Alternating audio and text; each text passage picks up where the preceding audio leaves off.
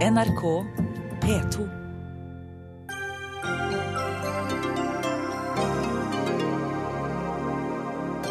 Styrmann styrtet German Wings-flyet med vilje og tok 149 mennesker med seg i døden. Alt Aftenposten har skrevet om mobilovervåkning er feil, hevder PST. Det kan fort være PST som tar grovt feil, sier informatikkprofessor. Frykt for storkrig etter at Saudi-Arabia nå har gått til krig mot Houthi-militsen i nabolandet Jemen. Og nå er Miljøpartiet De Grønne større enn Frp i Oslo. Frp har gått i SV-fella, hevder valgforsker.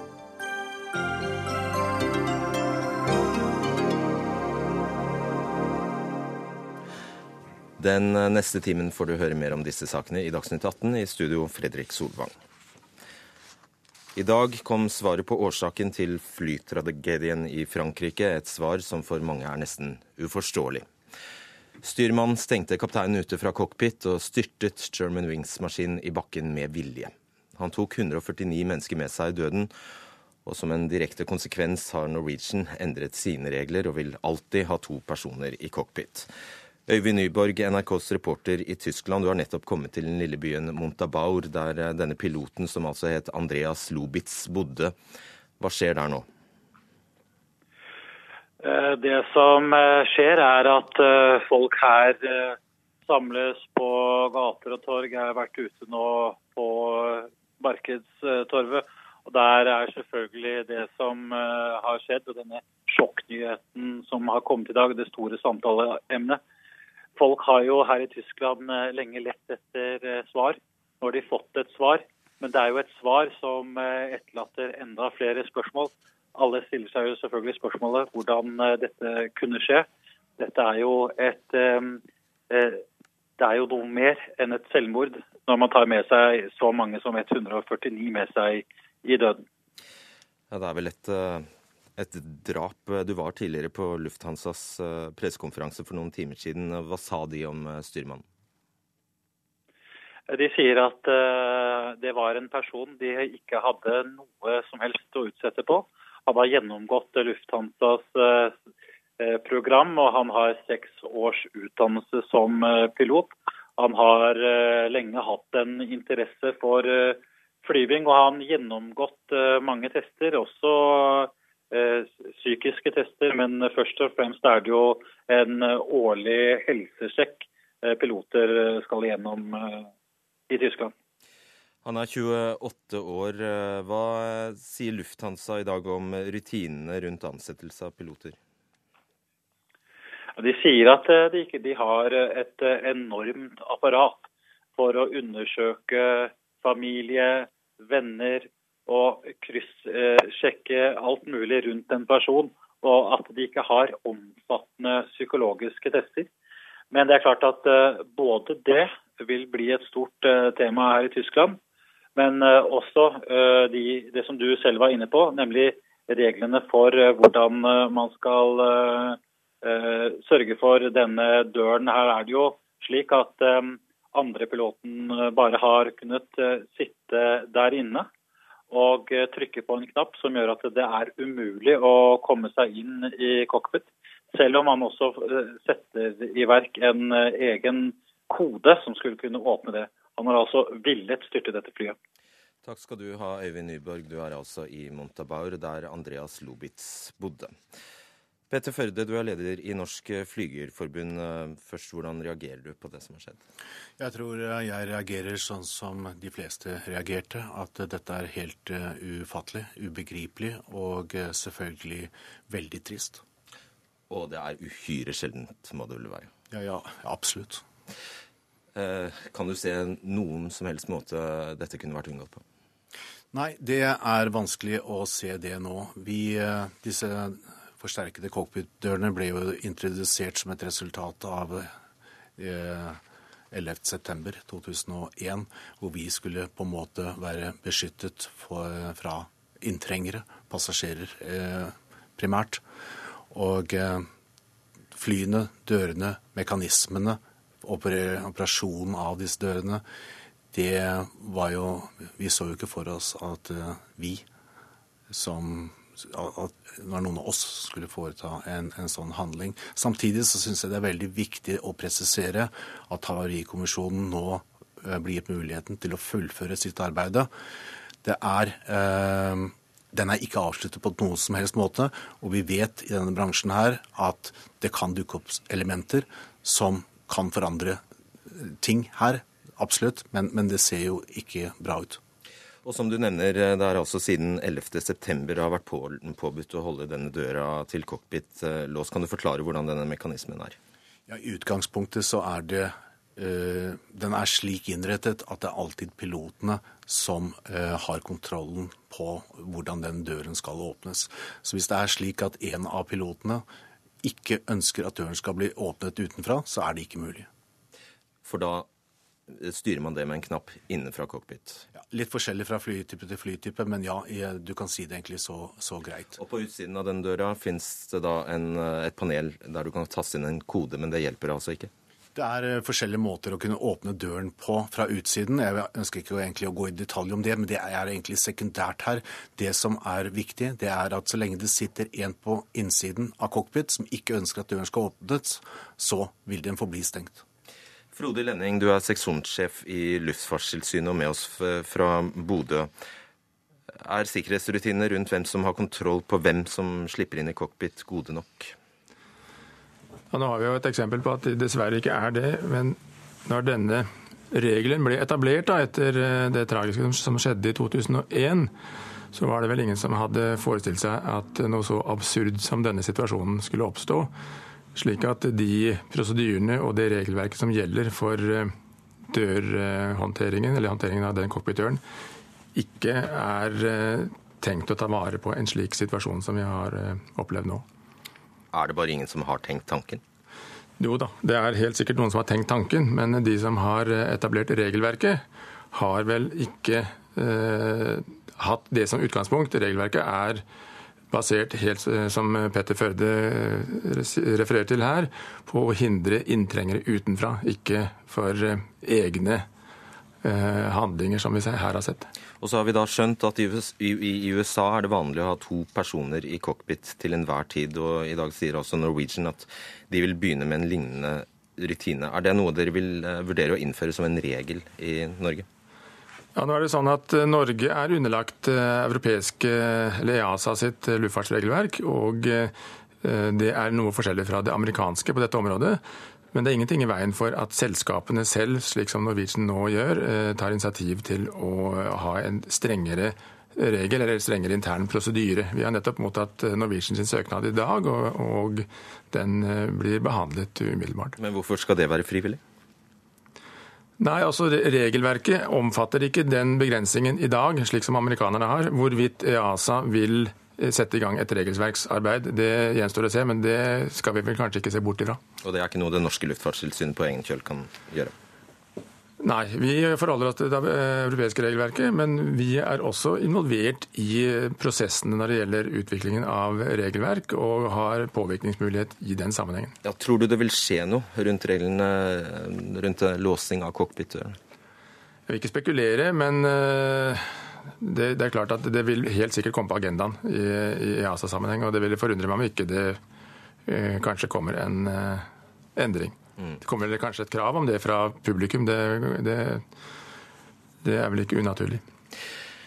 Grete Myhre, du er psykolog og tidligere leder i Havarikommisjonen. Hvordan kan noen med viten og vilje ta så mange mennesker med seg i døden? Når folk ønsker å begå selvmord, så er de ikke tilregnelige. Og har da helt andre måter å reagere på enn det man har hvis man er avslappet og i harmoni med seg selv. Har man et begrep for dette? Nei. Det, altså, generelt så sier man jo at man er ustabil. Du har lang fartstid i Havarikommisjonen. Har du noensinne opplevd noe lignende? Ikke i Norge, men eh, vi hadde jo et egyptisk fly hvor en flyger valgte selvmordsmetode med fly. Kan det sammenlignes med noe? Nei, jeg jeg er bare helt overrasket over at det kan skje, nettopp fordi at eh, flygere vanligvis er veldig godt selektert, og de er selektert på å være stabile. Så dette er en ny, jeg håper ikke trend. Nei, la oss virkelig ikke håpe det. Eh, Førde, er dere mer stabile enn andre? Det vil ikke jeg uttale meg om. Jeg tror nok at uh, vi har jo hatt, i hvert fall tidligere, ganske omfattende testing av oss som personer i forkant av en, eh, en flyverutdannelse, slik at uh, ja, jeg, jeg, jeg, tror nok vi er det. En annen ting er jo det at en flyver eller hvem som helst annen person kan selvfølgelig oppleve eh, kriser. Eh, Eh, av forskjellig art. Og da har vi jo i, eh, i, i, luftfarten et regelverk som gjør at vi da skal melde fra til arbeidsgivere om det, slik at du ikke går på jobb hvis uh, sinnstilstanden ikke tilsier at du skal gjøre det. Samtidig så, så holdt jeg på å si, vi, vi, sitter jo egentlig i verdens minste kontor med selvfølgelig verdens peneste og flotteste utsikt. Men vi har også en person ved siden av oss som vil selvfølgelig kunne også merke at kanskje du ikke burde vært på jobb i dag. Og, eh, og, eh, vi har en brifing, gjerne pilotene og kabinen, i forkant av en flyvning. Og er det ting der som vi opplever eller oppdager, så tar vi en samtale omkring det. Og det finnes alltid noen som kan utføre den jobben. Ja, kanskje vi ikke går på rute. Det er helt sekundært. Så vi er nok flinke til å ta vare på oss, det tror jeg. Og meldingene fra Frankrike nå tyder jo på at de hadde en helt normal samtale. Sånn at man kanskje ikke ville ha oppdaget det uansett i dette tilfellet. Nei, men eh, så igjen så vet vi da heller ikke alt. Vi kjenner ikke agendaen til vedkommende person. Og ikke minst, eh, det er et fortsatt eh, arbeid som skal gjøres, og kanskje andre ting vil dukke opp i den prosessen. Det får vi holde åpent. Mm. Einar Sørensen, du er luftfartsrådgiver i Toulouse i Frankrike. Og Toulouse er jo sentrum for europeisk luftfartsindustri og hjembyen til Airbus. Hvordan har denne nyheten blitt mottatt her? Mm, eh, I likhet med alle andre så er jo selvfølgelig uforstanda. Man forstår ikke at det har skjedd, og et eh, stort sjokk. Men eh, samtidig så slår det jo i alle fall for en nordmann eh, å se det sterke tyske-franske samholdet. Eh, rundt Airbus, manifestert sterkt av Francois Hollande og Angela Merkel, som jo har vist en, en, felles holdning og en, en fremtreden som et sørgende par. Det er ingen her nede som, eh, som oppfatter dette som noe annet enn en felles europeisk eh, problemstilling.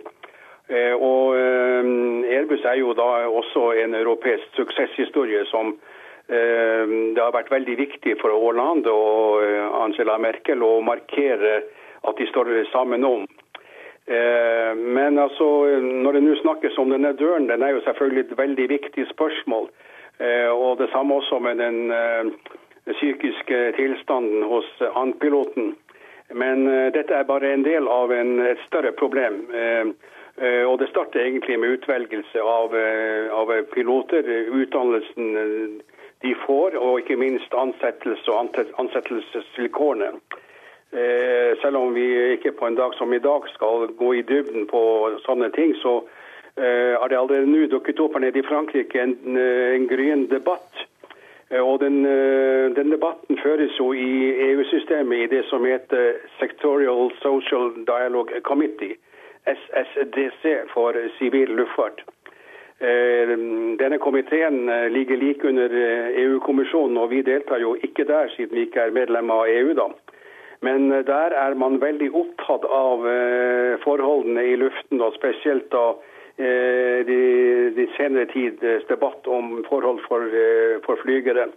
Eh, jeg er nesten sikker på at denne tragedien her nok vil danne et bakteppe for en, en større debatt om piloter og for så vidt måten man driver flyselskap på. Og Hva går det ut på? Ja, hva går de første rundene i den debatten ut på?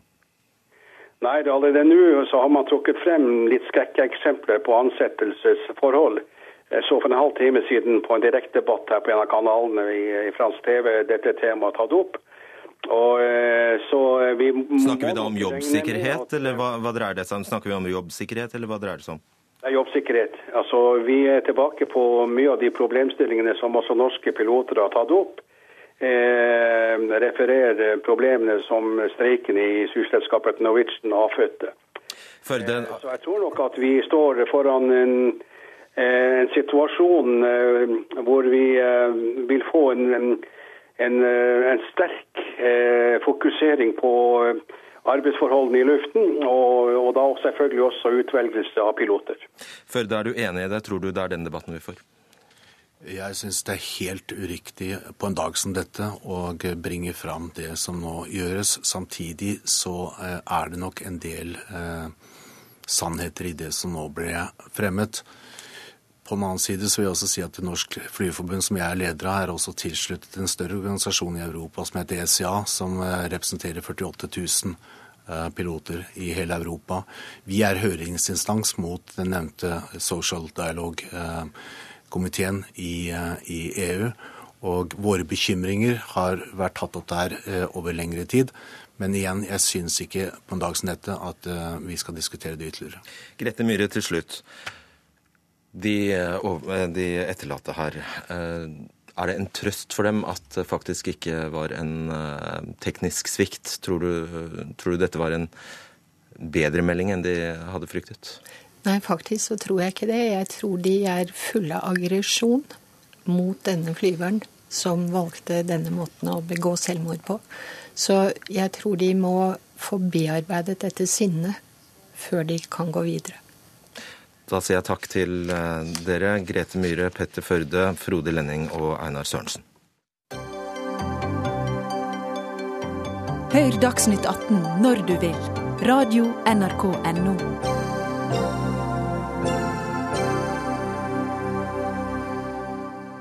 Den 13. desember i fjor våknet Norge opp til denne avsløringen fra Aftenposten. Stortinget og statsministeren overvåkes. Utenfor Stortinget og regjeringskontorene er det plassert avansert spionutstyr som overvåker mobiltelefoner. Avisen skriver også at falske basestasjoner skal være plassert i nærheten av USAs og Israels ambassade. Dagen etter er overskriften i Aftenposten 'Slik blir du mobilovervåket, og slik avslører vi mobilspionene'. Den 15. desember slår avisen fast at det foregår mobilspionasje på Aker Brygge, Tjuvholmen og Lysaker. Næringsliv, advokater og meglere blir overvåket. Så, den 5. januar i år, skriver avisen at etter Aftenpostens avsløringer blir overvåkningsutstyret slått av. Alt dette er feil, skal vi tro Politiets sikkerhetstjeneste. Og Vi skal høre et sammendrag fra pressekonferansen PST holdt i ettermiddag med PST-sjef Benedicte Bjørnland, påtaleansvarlig Signe Olling og taktisk etterforskningsleder Arnstein Jørgensen.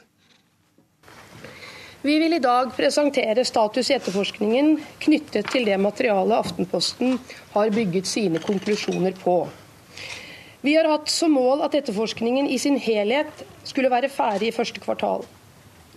Fortsatt gjenstår det enkelte etterforskningsskritt, men vi betrakter oss som ferdige når det gjelder det materialet Aftenposten har basert sine artikler på, og som vi har fått fra dem. Når vi velger å gå ut med informasjon før saken i sin helhet er ferdig etterforsket, er det fordi vi ønsker å bidra til at den offentlige debatt rundt denne problematikken blir mest mulig presis. Vi registrerer at mye informasjon som gjengis i offentligheten knyttet til saken, er feilaktig.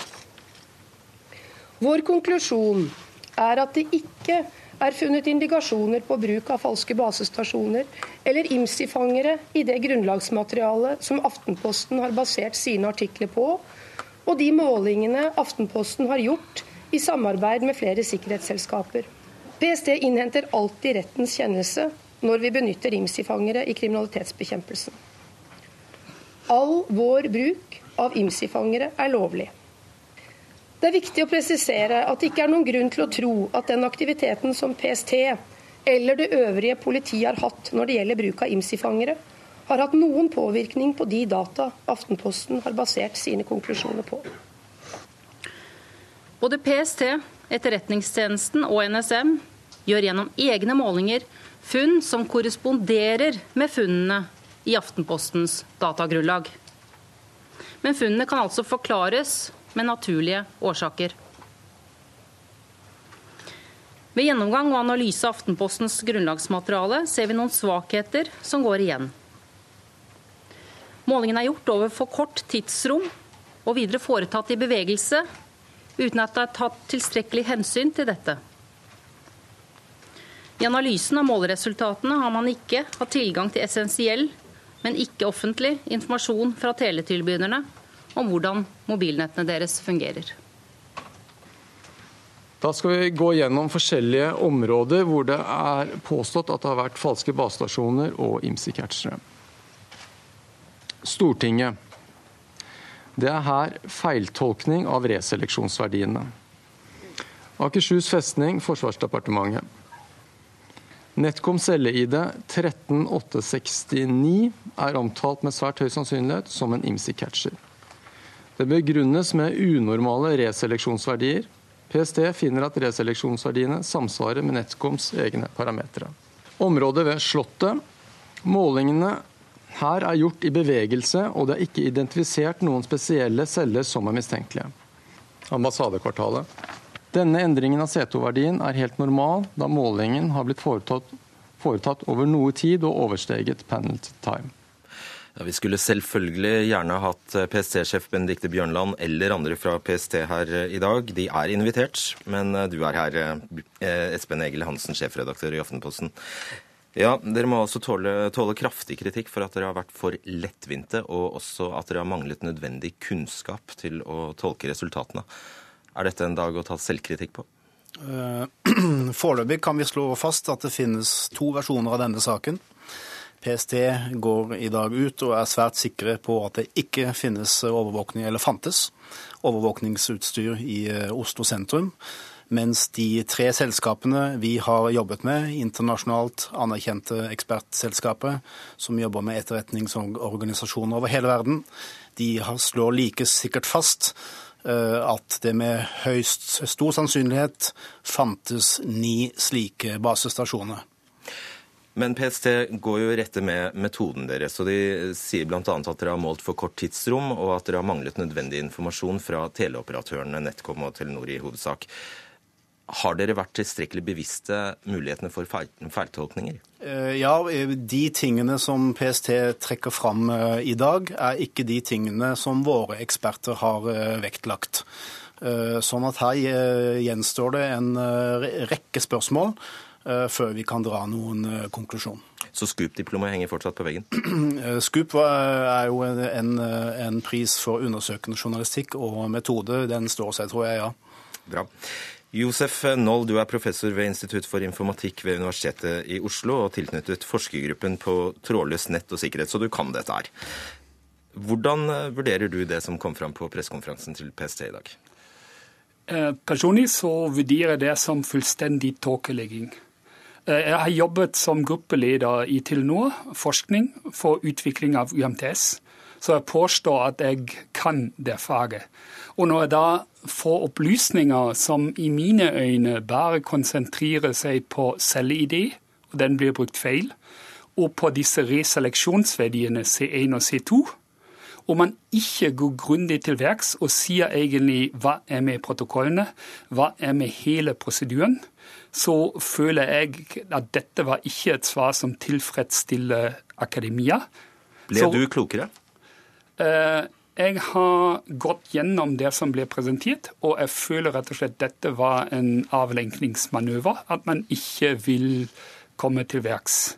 Så jeg tror rett og slett at de tallene som Aftenposten presenterte meg 28.11, at det er veldig stor sannsynlighet at det fantes falske basestasjoner. Og eh, de firmaene som er hyret inn, er etter min mening absolutt troverdige. Så du mener vi fikk faktisk svar på om det har vært falske basestasjoner rundt sentrale bygninger i Norge, og ditt svar er ja, det er fremdeles sannsynlig at det fantes? Jeg mener at det er veldig sannsynlig at det fantes falske baser, ja. Godt å høre, Hansen. Nei, jeg er opptatt av at vi kommer til bunns eh, i denne saken. Det er mange ubesvarte eh, spørsmål. Eh, et av de er jo hvorfor PST ikke begynte å etterforske dette før etter våre avsløringer og publisering. De fikk jo innsyn, tilbud om innsyn i materialet tidlig. Var tilsynelatende uinteressert. Et annet sentralt spørsmål er hvorfor de ikke har testet eller prøvd det utstyret som våre ekspertfirmaer har brukt. Det er et helt eh, sentralt eh, poeng. Ut fra det materialet som PST valgte å legge fram i dag, så er vi i tvil om det er grunnlag for å trekke de konklusjonene som PST gjorde. Ja, Det du nevner her, er altså det PST-sjefen gjentar, altså normaltilstanden. Og det er det du sikter til PST forsøker å tåkelegge, hva som faktisk er normaltilstanden. Fordi man velger to parametere som i mine øyne har veldig lite med saken å gjøre. Jeg stiller faktisk et spørsmål om disse parametere C1 og C2 blir brukt som av, ingen av oss skjønner noe av. Nei, ok, men, eh, men, de blir trukket fram som en bevis for å ha tok Aftenposten feil. Og i, all, i alt undersøkelse som, som er gjort, eh, så ser jeg at jeg er ikke engang sikker at C1 og C2 blir brukt. Fordi dette er rett og slett verdier som mobilen signaliserer. Så I min forståelse så ser jeg ikke man har, besvart det, de påstandene som har kommet. Nemlig hvor var utstyret som Aftenposten brukte, feil? Hva var metoden som var feil? At man da sier ja, dere var i bevegelse, eh, er for meg ikke helt tilstrekkelig. Dette er, dette er komplisert, uh, rent, komplisert. Uh, rent, teknisk. Nettopp derfor har Aftenposten valgt å publisere alle målinger. 75 000 målinger har vi publisert. Nå bør det være enkelt for PST å publisere sine målinger offentlig. De har jo allerede slått fast at dette ikke ligger, at det ikke er de selv som har gjort det at, ligger, at, de mener det ikke er falske basestasjoner. Ja, da bør det være enkelt å, ta... å publisere det samme som vi har gjort, sånn at offentligheten får innsyn i dette, og så, slik at vi kan ha tillit til det PST kommer med. Fordi PST sier altså selv at eh, de har eh, ved 30 anledninger gått til retten og fått kjennelse derfra til å bruke IMSI-cashere i løpet av de tre siste årene. Og Det er et eh, godt poeng. Hele denne saken startet ved at vi gikk til norske myndigheter og ba om innsyn i hvor mange ganger norske myndigheter har opprettet disse mobilovervåkningssonene. Det har de nektet fram til nå å komme fram med. I dag så kom det tallet 30. Det er overraskende mange ganger. Nå, et uh, ledende spørsmål til deg. Når PST altså, Vi skriver altså nå slutten av mars, og denne saken sto på trykk i desember i Aftenposten, 13. desember i Aftenposten. Når PST kan bruke så mange måneder på å finne ut hva normalsituasjonen er, kan vi da stole på at eh, PST forstår hvis noe unormalt oppstår? Eh, la meg heller si at har jeg tiltro på at den sikkerhets, det sikkerhetsnivået som vi må ha i Norge, også med sikt på framtiden, er godt ivaretatt. Og da stiller jeg store, store spørsmålstegn. Så når man en gang sier at vi har tatt 30 ganger i bruk IMSI-catchere, og sier at jeg bruker flere måneder for å faktisk lage en normaltilstand, uten at man sier nei, vi opererer egentlig ikke med normaltilstand. Vi opererer med protokollet, med forandring i måten eh, ting blir gjort i nettet, og det er det vi oppsøker. Så, så ser jeg rett og slett at jeg er bekymret for uh, mobilsikkerheten. Eh, PST kom gjentagende ganger tilbake til at det var umulig for dere i Aftenposten å gjøre noen som helst fornuftige analyser uten grunnlagsdata fra eh, teleselskapene. Hvorfor fikk dere ikke tak i disse dataene? Ja, vi, vi, har jobbet med, med teleselskapene og lagt fram vår eh, data dit. Vi har fått melding tilbake at det ikke fantes feil i noen av de tre nettene. Vi har jobbet med PST. Vi har jobbet med Nasjonal sikkerhetsmyndighet og hele tiden vært transparente på vårt, eh, vårt eh, materiale. Eh, og, og, og, der står saken nå. Og så registrerer jeg at PST i dag har pekt på, på, noen tekniske data som de mener at vi har dratt våre konklusjoner på grunnlag av. Det stemmer ikke. Ja, Men dere skrev ting som at det er høyst sannsynlig Eh, finnes falske basestasjoner i Oslo? Vi har skrevet at med stor sannsynlighet finnes det falske data... Og det står du ved? Og det, eh, og det, det står vi ved. at det, det, spørsmålet, det materialet PST har kommet med i dag, tilbakeviser ikke det. Men så får vi gå inn i det materialet vi nå håper PST kommer med, grunnlagsdataen, og så skal vi uh, se hva vi finner da. Hvor ender denne saken nå? Hvilken instans annen enn PST og Etterretningstjenesten skal eventuelt utføre andre etterforskninger? Nei, For meg er det egentlig viktigste å se at hva kan Nkom nasjonale post- og teletilsynet, hva kan de pålegge operatørene, slik at vi er bevisst over sikkerheten i nettet. Fordi dette er for meg en sak som viser veldig klart at ingen tar sikkerhet i mobilnettet alvorlig. Men finner vi sannheten her noen gang, tror du? Nei, jeg tror ikke det som har skjedd, det har skjedd. Og da får vi ikke sannheten. Men hva vi får ut i framtiden, og hvordan vi kan faktisk sette opp nettet slik at vi kan observere hvis det blir brukt falske baser. Det syns jeg er mye mer interessant. Og du fortsetter å skrive? Ja, PST begynte først å måle etter at vi hadde publisert. Da var disse senderne skrudd av, så vi får se hvor langt vi kommer. Takk skal dere ha, Espen Egil Hansen og Josef Noll.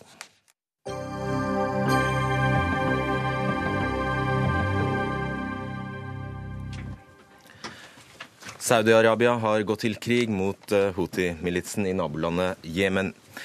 Ifølge fjernsynsstasjonen Al Arabiya har Saudi-Arabia mobilisert 150 000 soldater og 100 kampfly til operasjonen.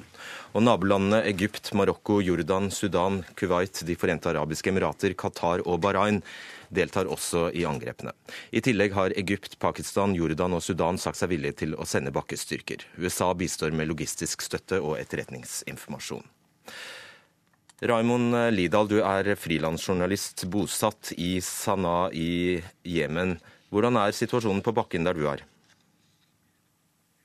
Eh, akkurat nå er det litt avventende. avventende. Denne første bombardementet fra Saudi-Arabia og disse ti andre landene skjedde da i natt. Eh, og det var svært intensivt gjennom flere timer. Gjennom morgenen, dagen og nå kvelden så har disse mm, luftbombardementene avtatt eh, sterkt. Eh, men det kan nå være en del av strategien. Det var sagt at de først skulle gå inn med luftstyrke, og så Eh, for å klargjøre for de 150 000 troppene som skal inn eh, til fots. Kampfly skal ha bombet den internasjonale flyplassen i Sanaa. Kan du bekrefte det? Den internasjonale flyplassen der er stengt foreløpig. Jeg vet eh, om både diplomater og nødarbeidere som har prøvd å komme seg ut i dag. De har gått så langt som å bestille et fly, men har ikke, de har endt opp med å ikke kunne reise ut fordi Eh, selve, selve rullebanen er for ødelagt. Vi får ønske deg lykke til, Ramon Lidahl. Jeg tror vi avslutter der fordi linja er ikke veldig bra til eh, Jemen. Og så går vi til deg, eh, NRKs Midtøsten-korrespondent Sigurd Falkenberg Mikkelsen. Hvordan er reaksjonene fra nabolandene som støtter Saudi-Arabia i denne krigen? Her i Egypt har eh, de eh, arabiske landene og deres utenriksministre vært eh, samlet til et møte i Sharm el-Sheikh på Sinai-halvøya. Dette i forkant av et arabisk toppmøte som lenge har vært planlagt i Den arabiske liga. Og Her er det jo da i all hovedsak land som deltar i koalisjonen som har møttes. Og De har bl.a. diskutert behovene for en felles arabisk militærstyrke. Egypt har særlig særlig ivret for dette. Men det er jo dette vi ser eh, konturene av eh, når det gjelder eh, Jemen. Det er en stor koalisjon, men da med Saudi-Arabia som den drivende faktoren. Og så har vi også fått høre at presidenten, Mansour al-Hadi, har nå landet i Saudi-Arabia for da å reise videre til, Saudi, til Sharm el-Sheikh eh, for å delta på dette møtet i Den arabiske liga. Så det er der han har gjort av seg, altså. Hvor overraskende er det at Egypt er eh, Saudi-Arabias støttespiller her? Det er ikke så veldig overraskende når man ser på det tette forholdet Saudi-Arabia har etablert eh, med Egypt siden kuppet her, og maktovertagelsen med nåværende president Abdel Fattah al-Sisi. Eh, men i et historisk lys så er det jo det, fordi eh, Egypt og Saudi-Arabia var involvert på hver sin side i borgerkrigen i Jemen på 1960-tallet. Men det vi ser er eh, konturene av en, en mer robust sunni-arabisk allianse, som strekker seg da fra Kairo til Riyadh via da den arabiske gulfen. Atle Mesøy, du er terroranalytiker og Jemen-ekspert. Hvordan startet hele denne konflikten? Det kan se ut som at det startet med den arabiske våren. Da var det et opprør, eh, et folkeopprør, hvor hele hvor eh, de store politiske partiene, hvor ungdommene ble engasjert, hvor de eh, gjorde, håpet å få til det samme som hadde skjedd i Egypt og Tunisia. Men det gikk svært galt, fordi det, det, var, det ble slått ned på med vold av president Saleh. Eh, hvor det var over 60, ble, 60 demonstranter som ble drept. Eh, til slutt så måtte han eh, gå av. Og da, etter at han utnevnte sin visepresident, så, så, har det vært en, en, nasjonal dialog som har foregått, hvor man har prøvd å trekke inn alle partier, alle større grupper for å, å legge en, eh, en, ny fremtidig politikk for Jemen, men det har vært svært vanskelig. Så det er egentlig ja, det er mange grupper, men det er uh, altså regjeringen og myndighetene, og så er det Al Qaida, og så er det altså denne Houthi-militsen. Og Houthi-militsen er altså sjiamuslimsk, i motsetning til sunnimuslimske uh, Al Qaida. Ja, altså det kan, man, det kan man godt si. Men uh, altså de er sjiamuslimer som ligger veldig nært opp til sunni. Ehm, men, men, det som, eh, som, har vært sentralt, det er at de har hatt eh, den, nordre, eh, den mest nordre delen av Jemen har de hatt omtrent som et eget område. Hvor, som, som, da har ligget i krig med, med staten Jemen i, i, i mange år, siden 2004. Og, eh, og det, som de, eh, det, som de, ønsker, det er jo et helt annet styre. og De føler at ikke de er blitt tatt med i forhandlingene. og Det er dette de har jobbet mot, og det er det de har fått støtte fra andre land. og Hvor man da har svekket andre viktige spillere. og Dermed så har de kunnet eh, gå inn og gjøre et kupp, sånn som de gjorde i september i fjor. Og det kommer ikke overraskende på deg? Nei, det, det, er ikke helt overraskende ut ifra at uh, etter hvert så skjønte man jo at uh, f.eks. Det muslimske brorskap ble, ble, svekket, som har vært en, en viktig politisk spiller. Og, uh, og med de krigene da som har vært, og, og denne slags aggressive tonen også da som houthiene har, så, så, så, kommer det ikke helt overraskende. Men, men de har vist en, en formidabel styrke som, som er noe overraskende.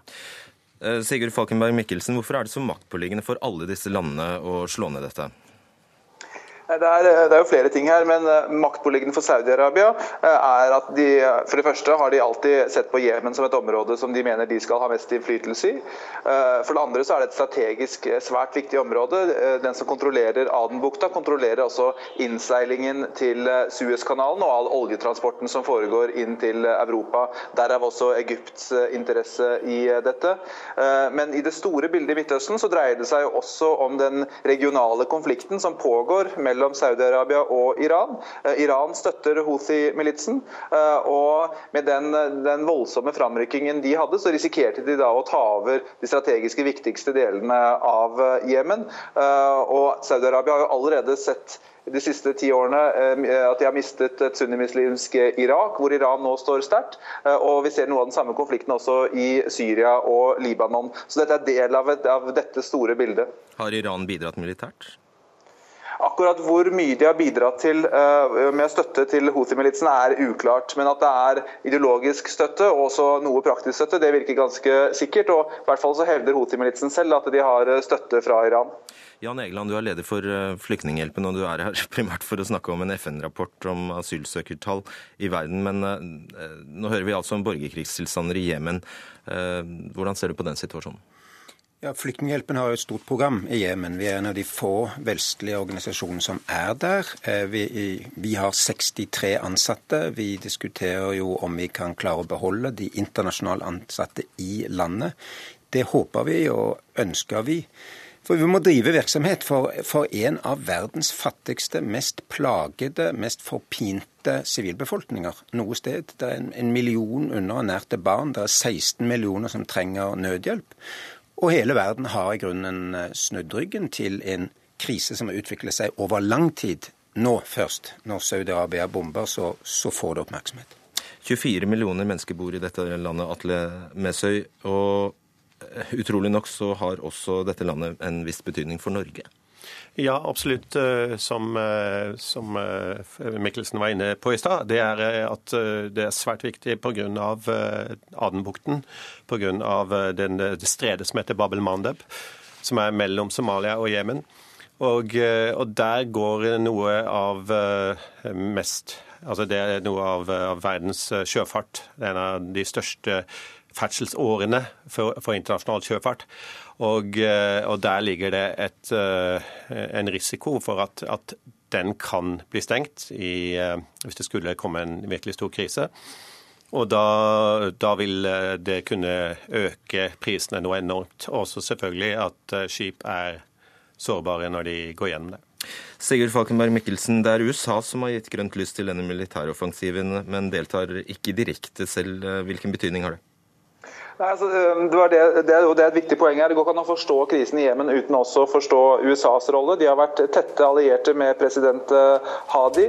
Han har eh, signert eh, dekretet som har tillatt de omstridte droneangrepene mot Al Qaida på den arabiske halvøya. De har vært med på å destabilisere Jemen. Og det jeg tror vi kommer til å se nå, er at vi får et A, et ytterligere kaos som gjør at Al Qaida kommer til å vokse. Og del to, at eh, hvis dette utvikler seg til en krig med en tydelig sunni-shia-dimensjon, eh, sånn som det er fare for med den saudi-arabiske eh, deltakelsen, så vil også Al Qaida styrke seg på det. Og da med seg har vi det gående.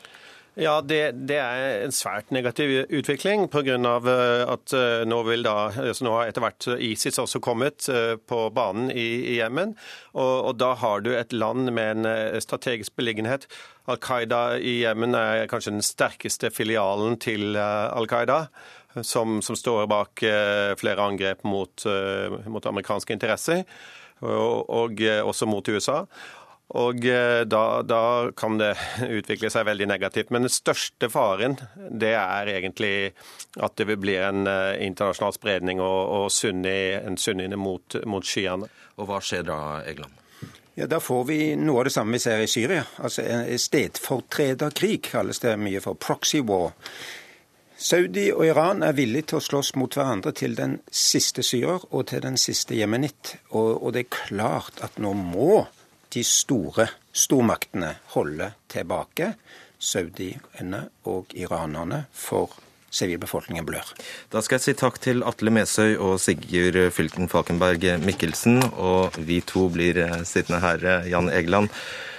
For eh, du er her egentlig for å snakke om en ny FN-rapport som altså viser at asylsøkertallet i industrilandene har eksplodert.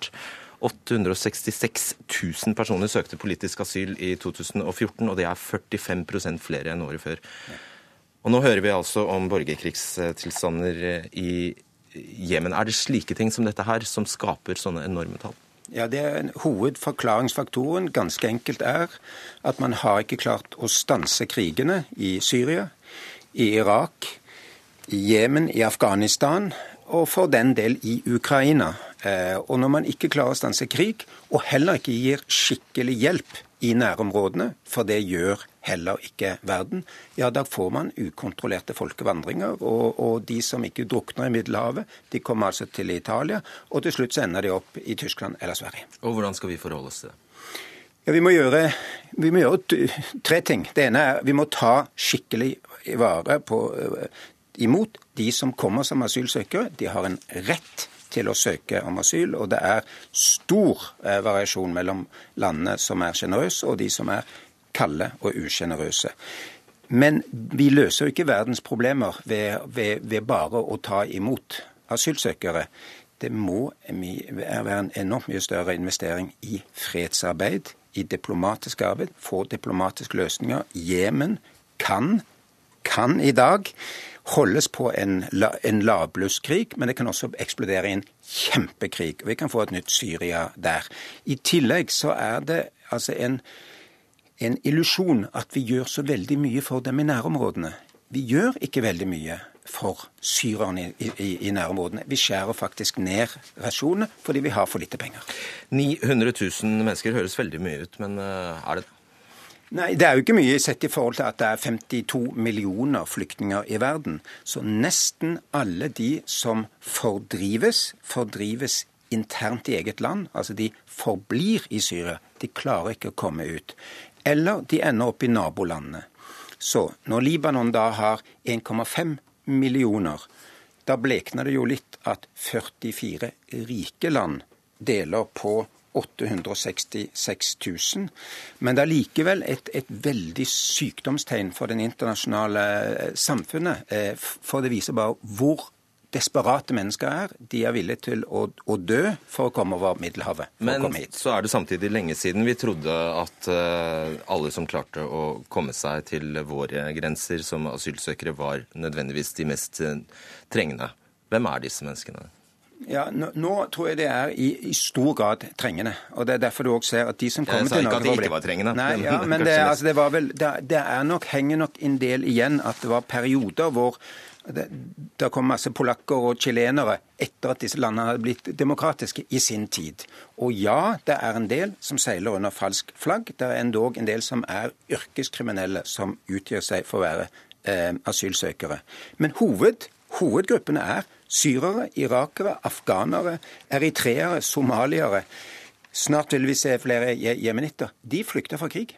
Og helt kort på tampen, Hvordan ser det ut framover? Kommer dette tallet til å øke eller eh, synke? Det kommer til å øke. Vi har i lang tid avvart med dette. Og jeg kan si disse profetiske ord. Om et år kommer vi til å ha mye større tall, hvis ikke Europa, fra Norge i nord til Italia i sør, tar seg sammen og investerer mye mer i hjelpearbeid i nærområdene. Og de store maktene gjør mer for å skape fred. Jeg håper du tar feil, Jan Egeland. Takk skal du ha. Dagsnytt 18 alle hverdager klokka 18.00 på NRK P2 og NRK2.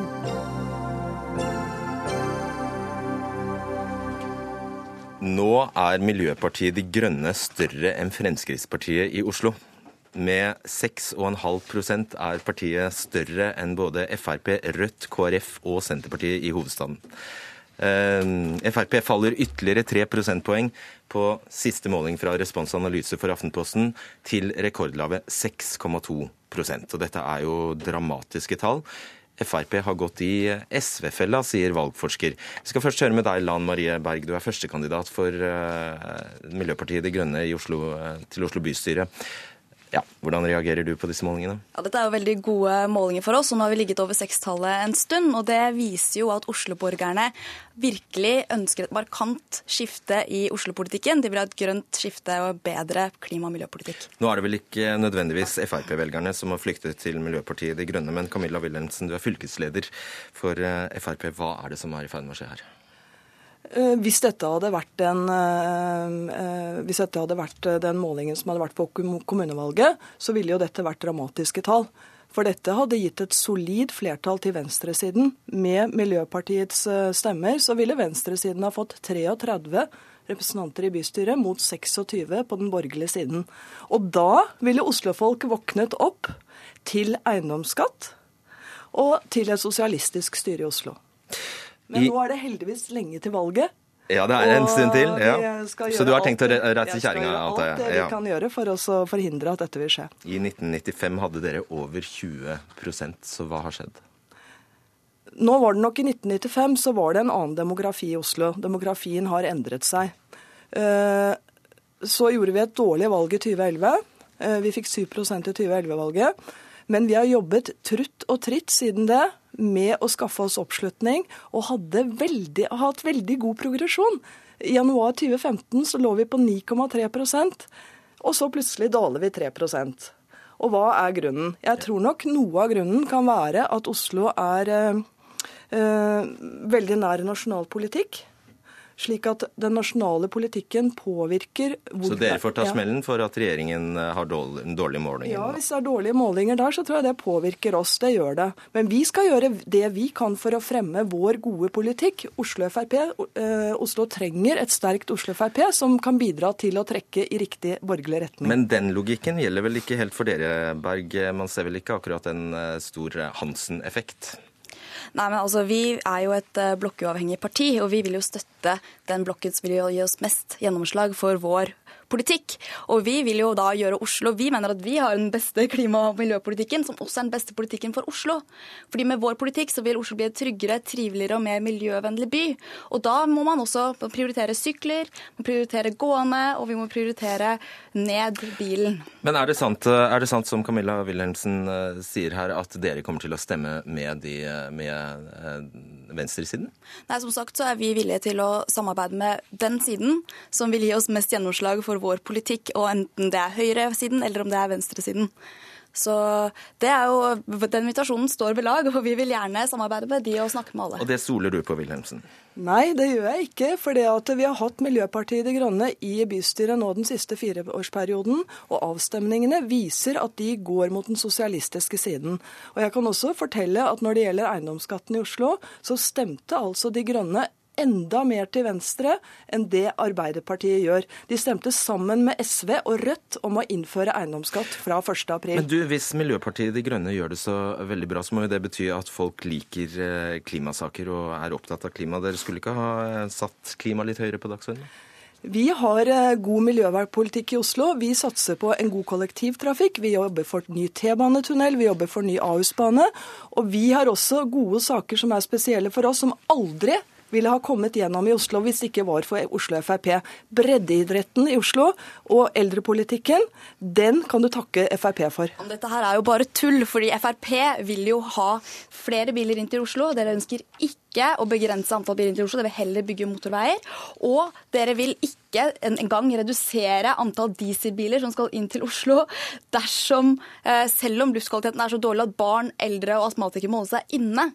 Sånn er den politikken som dere driver med. Så det her er jo ikke god klima- og miljøpolitikk. Og mens dere har styrt, så har også Oslos klimautslipp økt med over 20% eller med 20% Og dette her, er, dette her er mye mer enn det det har gjort nasjonalt. Så dette her er ikke det jeg kaller god klima- og miljøpolitikk.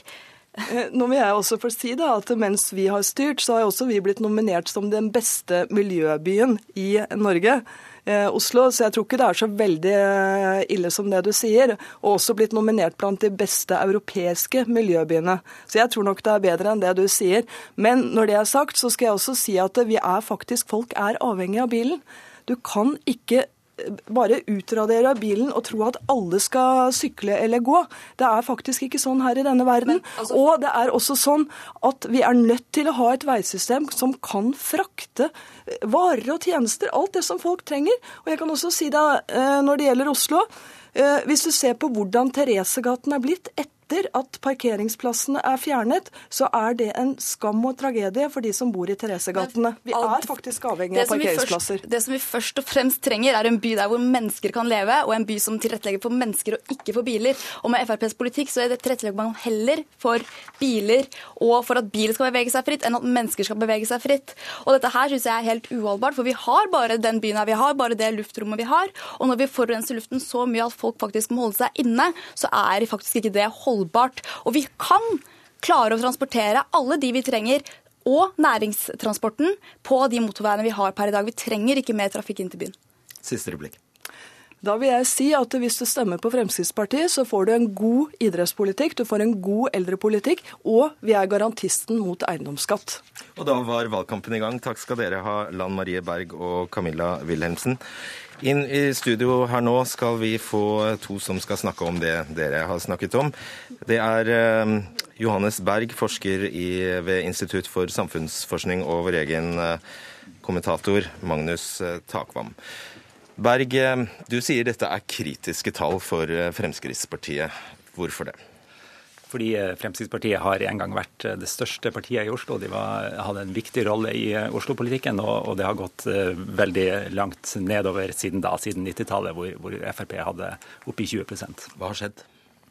Eh, jeg tror Frp lenge har hatt problemer i Oslo. De gjorde et skikkelig dårlig eh, lokalvalg i 2011 eh, og har på en måte jevnt og trutt gått nedover. Og Så får man i tillegg den situasjonen at Fremskrittspartiet sliter på nasjonalt nivå. Deres statsråder får mye kritikk og er litt i hardt vær. Og dermed går Frp tilbake på, på alle målinger, egentlig.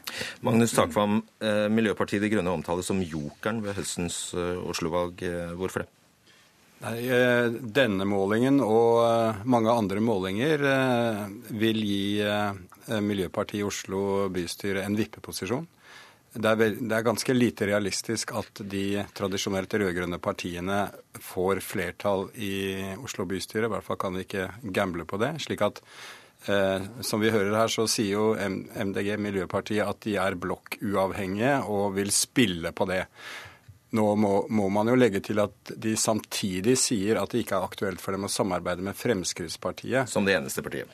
Ja, slik at uh, det er, det, er, det er, ikke så høye odds for å tippe at de vil eh, falle ned på en rød-grønn side, etter min mening. Men de vil selvfølgelig prøve å utnytte den eh, vippeposisjonen til å forhandle fram det de mener er den, er den beste miljøpolitikken å stå på krava liksom, i, i, eh, forhandlinger etter en eventuell valgseier eh, til høsten. Mm. Berg, tilbake til Frp. Ser vi de samme tendensene som, som SV da de da de eh, hadde, var i regjering?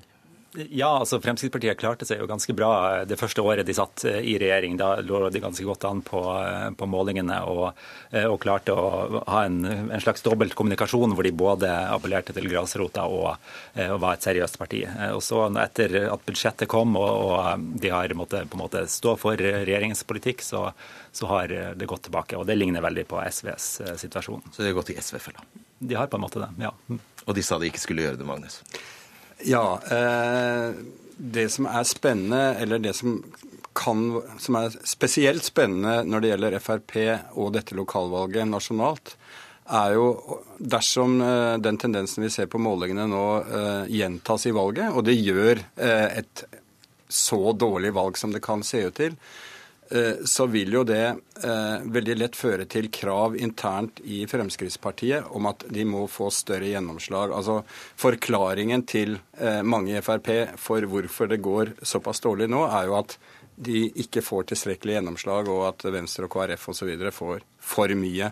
Slik at det er en potensielt veldig krevende situasjon etter valget hvis Frp kommer og vil ha enda mer gjennomslag etterpå. Sånn kan det være måten... topp for Frp å gjøre det dårlig i kommunevalget? Nei, men jeg bare sier at uh, det er klart at et parti som sliter så mye, um, uh, kan ikke bare sitte stille og, og akseptere og, og, ikke få gjennomslag. Sånn at det er uh, en ytterligere liksom, Det er et spenningsmoment ved valget. Berg, hvilke saker er det Frp har mistet grep om? Eh, jeg tror nok de sakene som de var profilert på tidligere, sånn som innvandring, eh, skatt, eh, bompenger osv., den typen saker, har regjeringen nå tatt ansvaret for. De har tatt ansvaret for den typen saker som, som kanskje hvor de på en måte ikke kan føre den politikken som de har argumentert for tidligere. Så det er nok det som er avgjørende. Mm. Er det noe i det Wilhelmsen sier, at demografien i Oslo har forandret seg veldig fort? Eh, demografien har forandret seg, men jeg tror likevel de velgerne som stemte på Fremskrittspartiet på 90-tallet, de er jo fremdeles eh, i Oslo. Eh, og hva, Hvordan skal vi forklare Miljøpartiet De Grønnes framgang, Magnus? Nei, altså Det er nok det at de framstår som eh, for de fleste systemkritiske og uten skal vi si, å ha skitnet seg til i, kompromisser eh, i noen særlig grad. Eh, og det er veldig tydelig at de tar velgere fra eh, ofte skuffede SV-velgere. En del målinger som er foretatt, viser at MDG i indre Oslo har opptil 15-16 eh, oppslutning. Og i tradisjonelt sterke SV-bydeler osv. Slik at det er all grunn for SV til å til å frykte MDG på den måten. Så det er jo da et annet veldig stort spenningsmoment ved dette valget, nemlig om hvordan SV kommer ut. Hvis de mister veldig stor oppslutning i de største byene, og i tillegg ikke har ordfører osv. rundt i Kommune-Norge, så gir jo det en, veldig, en, veldig, dårlig plattform til å komme tilbake i 2017. Berg, er eh, MDG så uprøvd og så eh, ubeskrevet at velgerne ikke vet hva de får? Eh, det kan nok være noe i det, men jeg er helt enig i den analysen at SVs eh, tilbakegang er veldig viktig for MDGs eh, framgang. Da. Men så kan man si at i Oslo så holder SV så noenlunde stand, i hvert fall, og det har vært en samlet fremgang for, for de grønne, da, eller for de rød-grønne partiene. Mm. Der må vi sette punktum, rett og slett. Ansvarlig for denne Dagsnytt 18-sendingen var Alf Hartken, teknisk ansvarlig Lisbeth Seldreite og i studio Fredrik Solvang.